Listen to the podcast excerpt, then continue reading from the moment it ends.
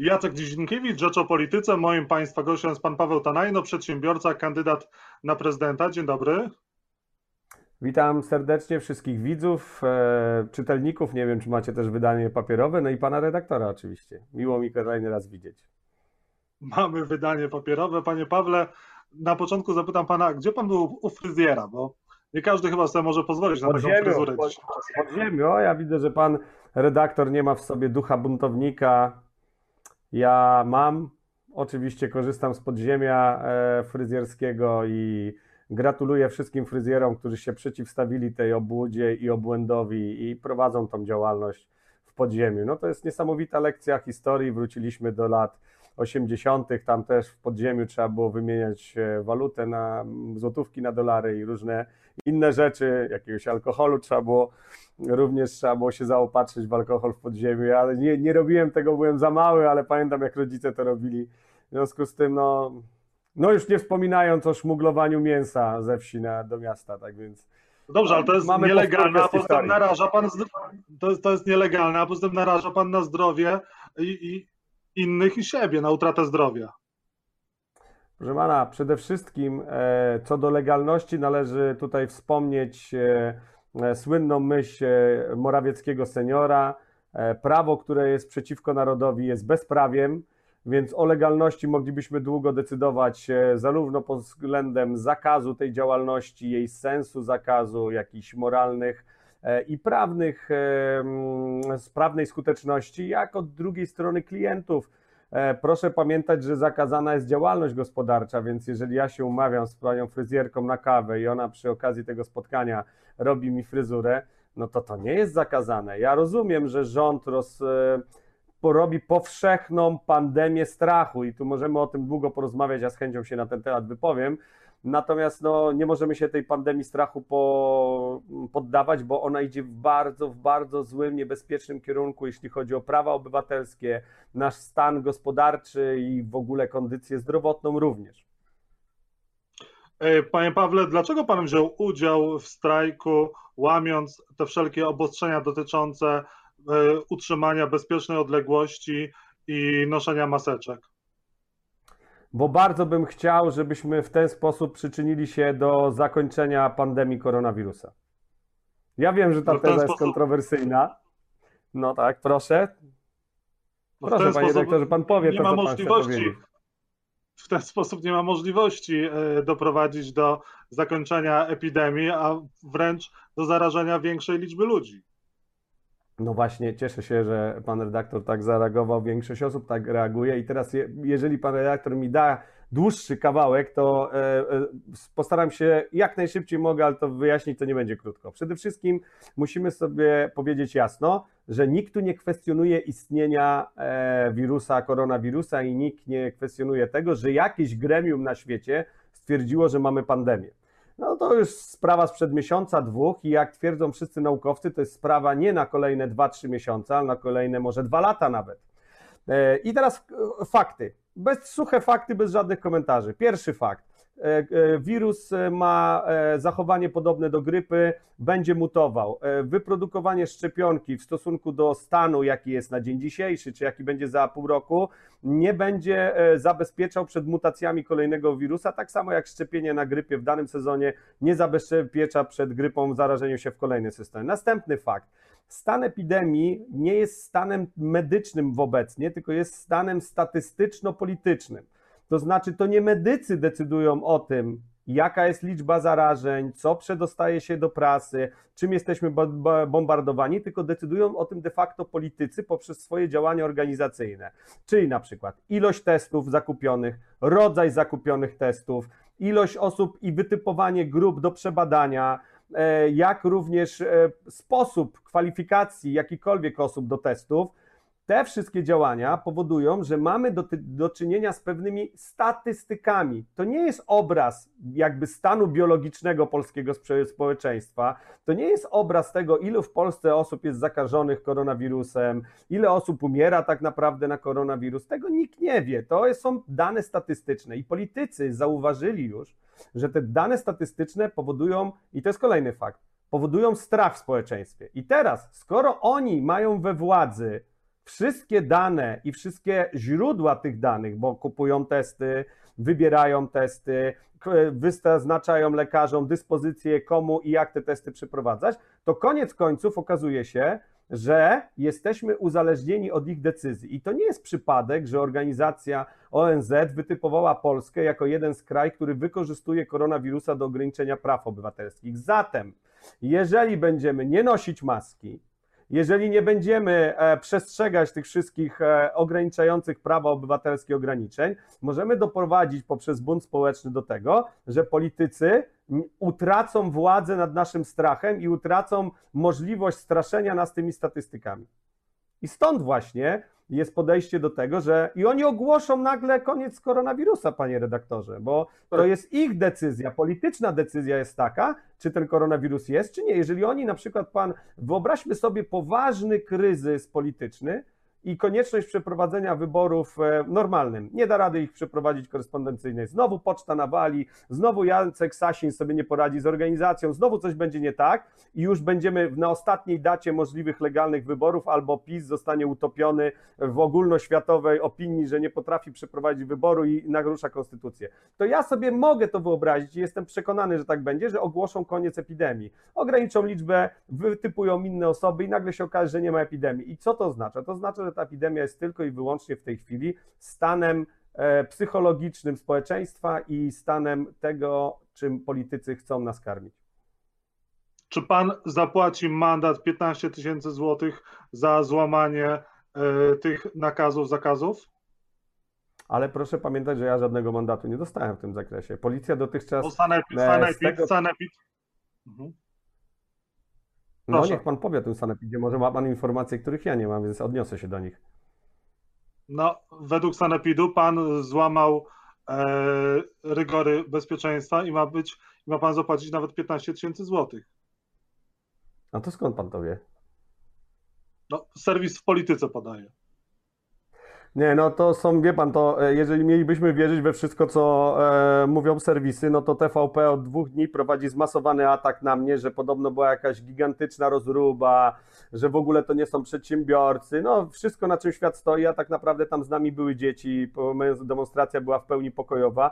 E, co najwyżej policja poprzez błędne decyzje dowództwa doprowadziła do tego, że ja i kilka osób, które e, no, cieszyły się zaufaniem e, protestujących, zostały odcięte, no i wtedy to już jakby sprawy potoczyły się zupełnie swoim tokiem, niezależnie od nas. To jest decyzja policji. Natomiast wracając do tego, co pan powiedział, rzeczywiście była u mnie wczoraj policja i podejrzewamy z informacji innych, jakie uzyskujemy z kraju, że jest jakaś taka koncepcja, przynajmniej wczoraj była na weekend, dopóki dziennikarze nie wrócili z weekendu i dopóki media się tym nie zainteresowały, to wczoraj była taka koncepcja, żeby wykorzystać pomysły rodem z PRL-u, tylko że tym razem nie będzie internowanie na 24-godzinny areszt przez 365 w roku, dni w roku, tylko teraz pomysł jest na zatrzymanie demonstracji, którą planujemy i którą wszystkich Państwa zapraszam na 16 maja na demonstrację przedsiębiorców, ale nie tylko, bo jest to demonstracja e, w imię godności, wolności i własności, ochronę, ochrona przed e, dyktaturą i zaborczymi pomysłami e, PiSu.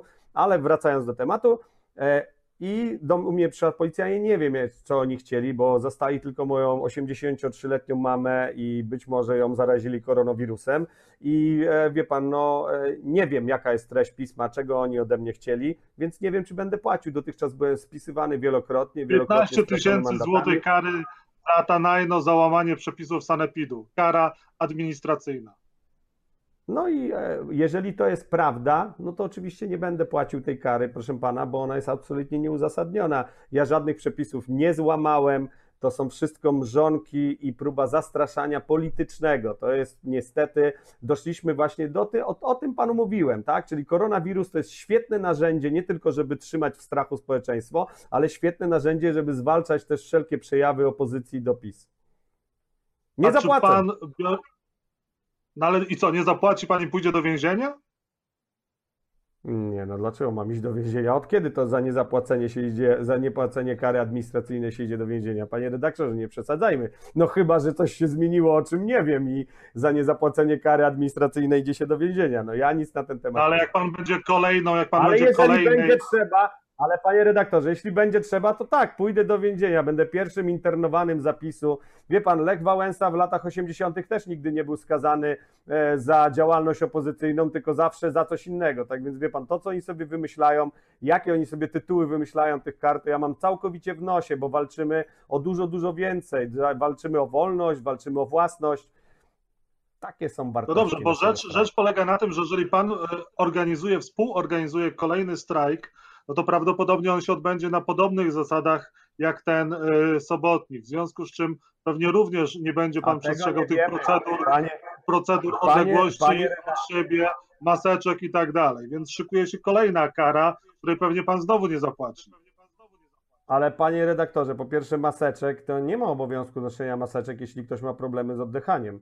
Akurat w tym dniu była taka pogoda w Warszawie i wie pan, ja widziałem policjantów, których zmuszono do noszenia maseczek i oni mieli całe twarze zapocone. Wie pan, to jest zbrodnia przeciwko ich zdrowiu tak naprawdę, jak im się kazało biegać za nami maszerującymi, otaczać nas i w tym gorąco naprawdę mieli całe zapocone twarze, te maseczki były mokre. Wie pan, to tak naprawdę to ktoś tam, no oni są na służbie, ja to rozumiem, no ale w ramach nawet służby powinny jakieś tam związki zawodowe policjantów e, protestować przeciwko temu, no bo nie można wymagać od kogoś biegania w upale 20, no w upale, no 22 stopniach i zakładać mu maskę, no bo to tak jakby się do samochodu e, wepchało szmatę do rury wydechowej i się oczekiwało, że on będzie jechał na maksa, on nie ma czym oddychać i nie ma jak wypluć siebie spalin.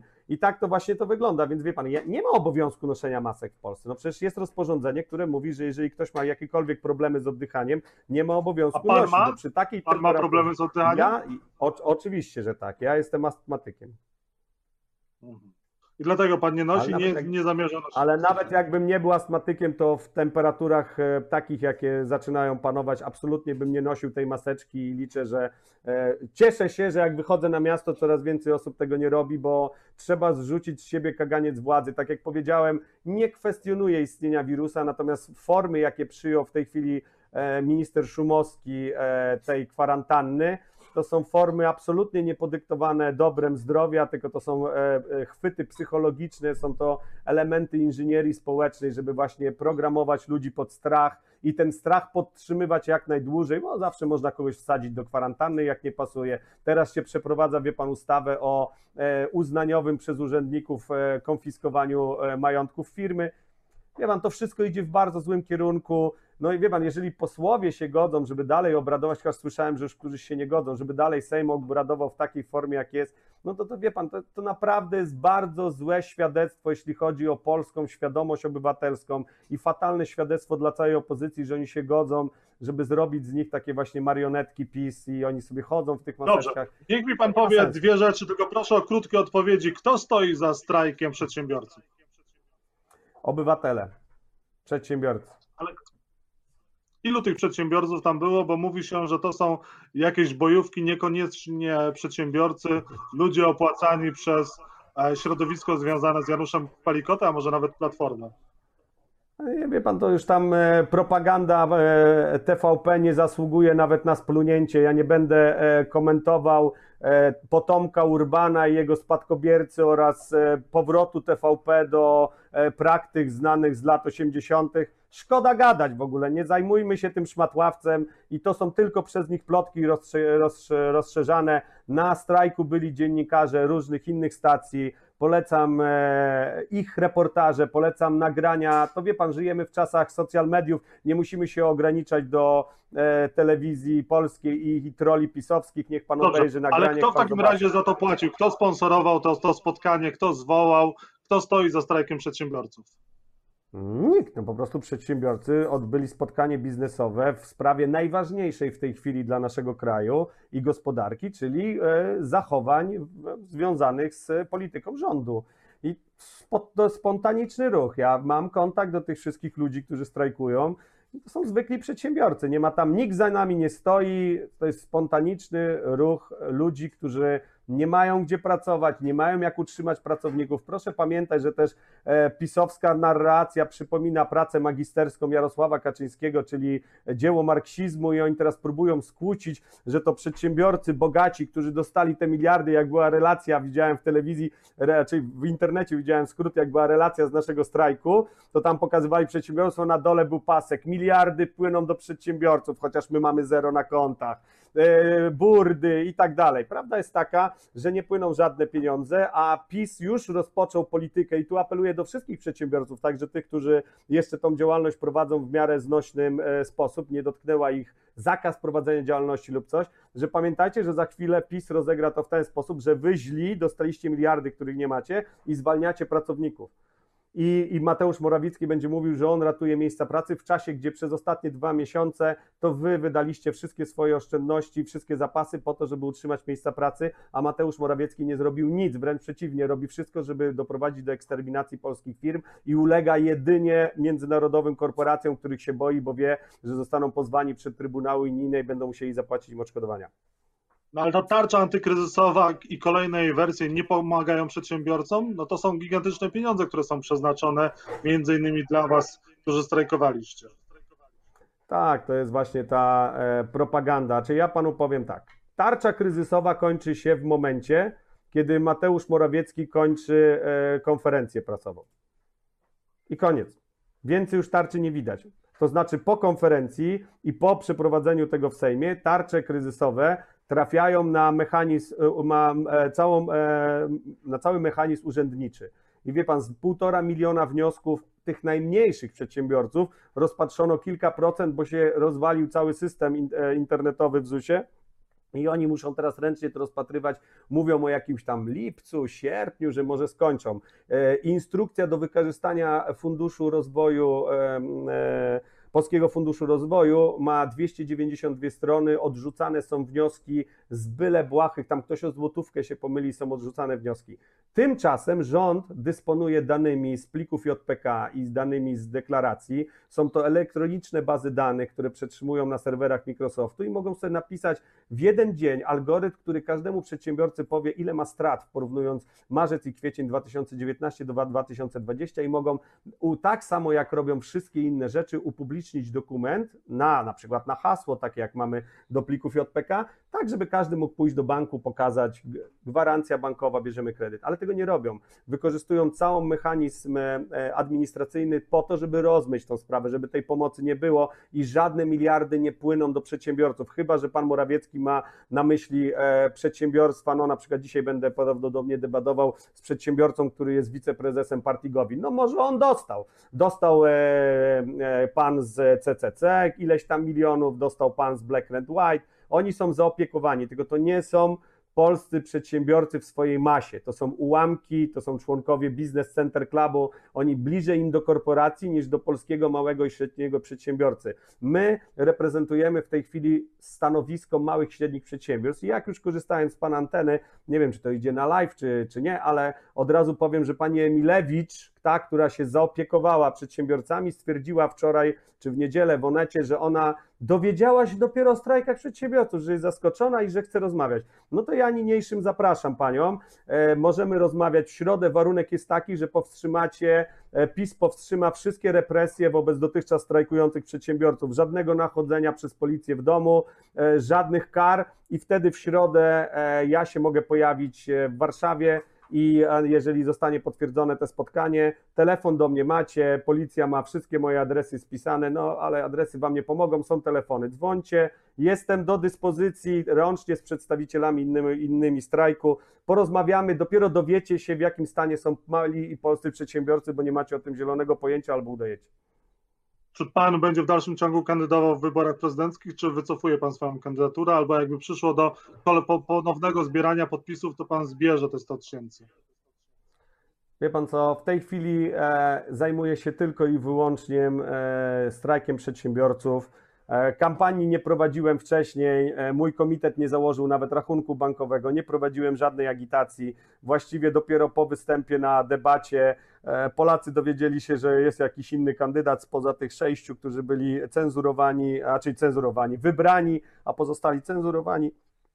Więc nie wiem, no ja zauważam, że jakby z entuzjazmu ludzi, których jest setki tysięcy, e, oni bardzo by pewno chcieli, żebym ja kandydował, ale wie pan, ja nie jestem politykiem, jestem przedsiębiorcą. Ja przede wszystkim chciałbym załatwić sprawy przedsiębiorców. Natomiast jeżeli będzie taka wola i ludzie stwierdzą, że mają dosyć tych politykierów e, bezradnych, e, tej bezradnej opozycji i uznają, że Paweł Tanajno powinien dalej e, kandydować po to, żeby choćby wykorzystać zainteresowanie mediów i może nową debatę do e, nagłaśniania tej eksterminacji polskich przedsiębiorstw, tego problemu, no to jeżeli zbiorą podpisy, to mogę kandydować, tak? Ale to już jest nie moja decyzja, ja to z chęcią wróciłbym do e, pracy w swoich firmach i chciałbym, żeby Polska była w końcu krajem, w którym przedsiębiorcy, w którego przedsiębiorcy czują się, że mogą tu inwestować, mogą tu trzymać majątki, że to jest bezpieczny dla nich kraj, a nie kraj bezpieczny tylko dla polityków, szczególnie PiS, gdzie się gnębi, nie szanuje wartości takich jak własność, wolność i godność obywatelska. I tyle, no nie wiem, nie mam konkretnych decyzji, to wszystko dotyczy od decyzji ludzi. A czy pan w jakimkolwiek stopniu jeszcze współpracuje z Platformą czy z Januszem Parikotem?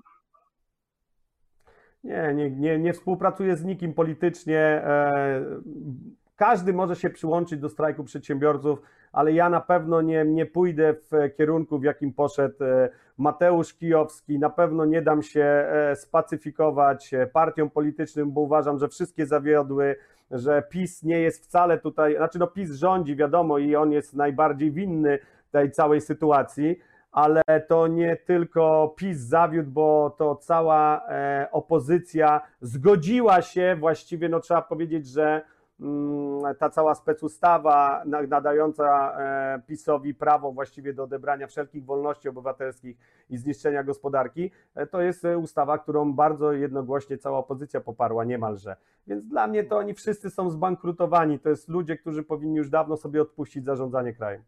Więc nie, nie dogaduję się z nikim, mówiąc w skrócie. Pan zapowiada kolejny strajk w najbliższych dniach. A czy jesienią po wakacjach tych strajków może być więcej? Jak to będzie wyglądało?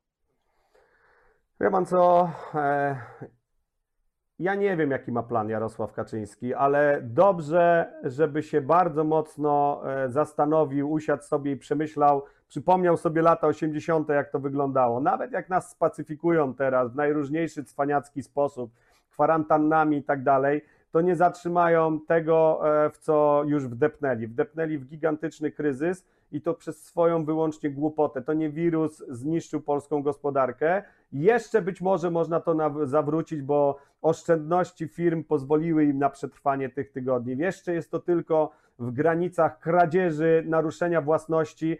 I jeszcze myślę, że ta gospodarka jest w stanie wstać, więc natychmiast trzeba wszystko odwołać i przestać używać koronawirusa do zagrywek politycznych, bo w tej chwili on jest używany prawdopodobnie tylko do tego i pozwolić wszystkim działać. To się jeszcze może uratować. Natomiast jeżeli do jesieni dalej będzie taka gra, że o fajnie, ludzie się boją, wykorzystajmy strach do celów politycznych, bo na tym polega ta gra. Jeżeli dalej to będzie trwało, jeżeli się będą przedłużały te wybory e, prezydenckie, to ja myślę, że Jaros, albo Jarosław utraci kontrolę nad państwem poprzez utratę swojego kandydata na prezydenta, a jeżeli oszukają w wyborach i Duda niby wygra, tak jak oszukują w sondażach, no to w tym momencie e, ja myślę, że może być bardzo gorąco na jesień, bo ludzie po prostu nie będą mieli nic do stracenia. I Jarosław powinien głęboko nad tym pomyśleć, jak było w latach 80., gdy ludzie nie mieli już nic do stracenia. Czyli co, ludzie wyjdą na ulicę według Pana wtedy? No a co pan redaktor zrobi, jeżeli zabraknie reklamodawców we wszystkich redakcjach, które pan pracuje i to zabraknie tylko z powodu tego, że oni sobie wymyślili, że im dłużej trzymają ludzi w strachu, tym bardziej umacnia się ich władza. Nie wyjdzie pan redaktor na ulicę? Czyli Paweł Tanajno zapowiada kryterium uliczne. Ja niczego nie zapowiadam, ja przepowiadam. Ja bardzo chciałbym, żeby Dziękuję tego bardzo. uniknąć. Dziękuję. Dziękuję bardzo za rozmowę. Moim Państwa gościem był Paweł Tanajno, przedsiębiorca, kandydat na prezydenta, do Urzędu Prezydenta Rzeczypospolitej Polskiej. Dziękuję bardzo za rozmowę. Były, były, bo nie wiadomo, czy kandydujemy dalej. Już wybory się skończyły, teraz się zaczynają nowe. Niech pan powie, że jestem po prostu zwykłym przedsiębiorcą, panie redaktorze, który niestety zamiast się zajmować gospodarką, musi działać w sferze publicznej, bo politycy wszystkich partii zawiedli, a dyktator robi to, co chce. Pozdrawiam. Przedstawił serdecznie i pana. Sam Paweł Tanajno się przedstawił najlepiej. Dziękuję za rozmowę i do zobaczenia. Do widzenia.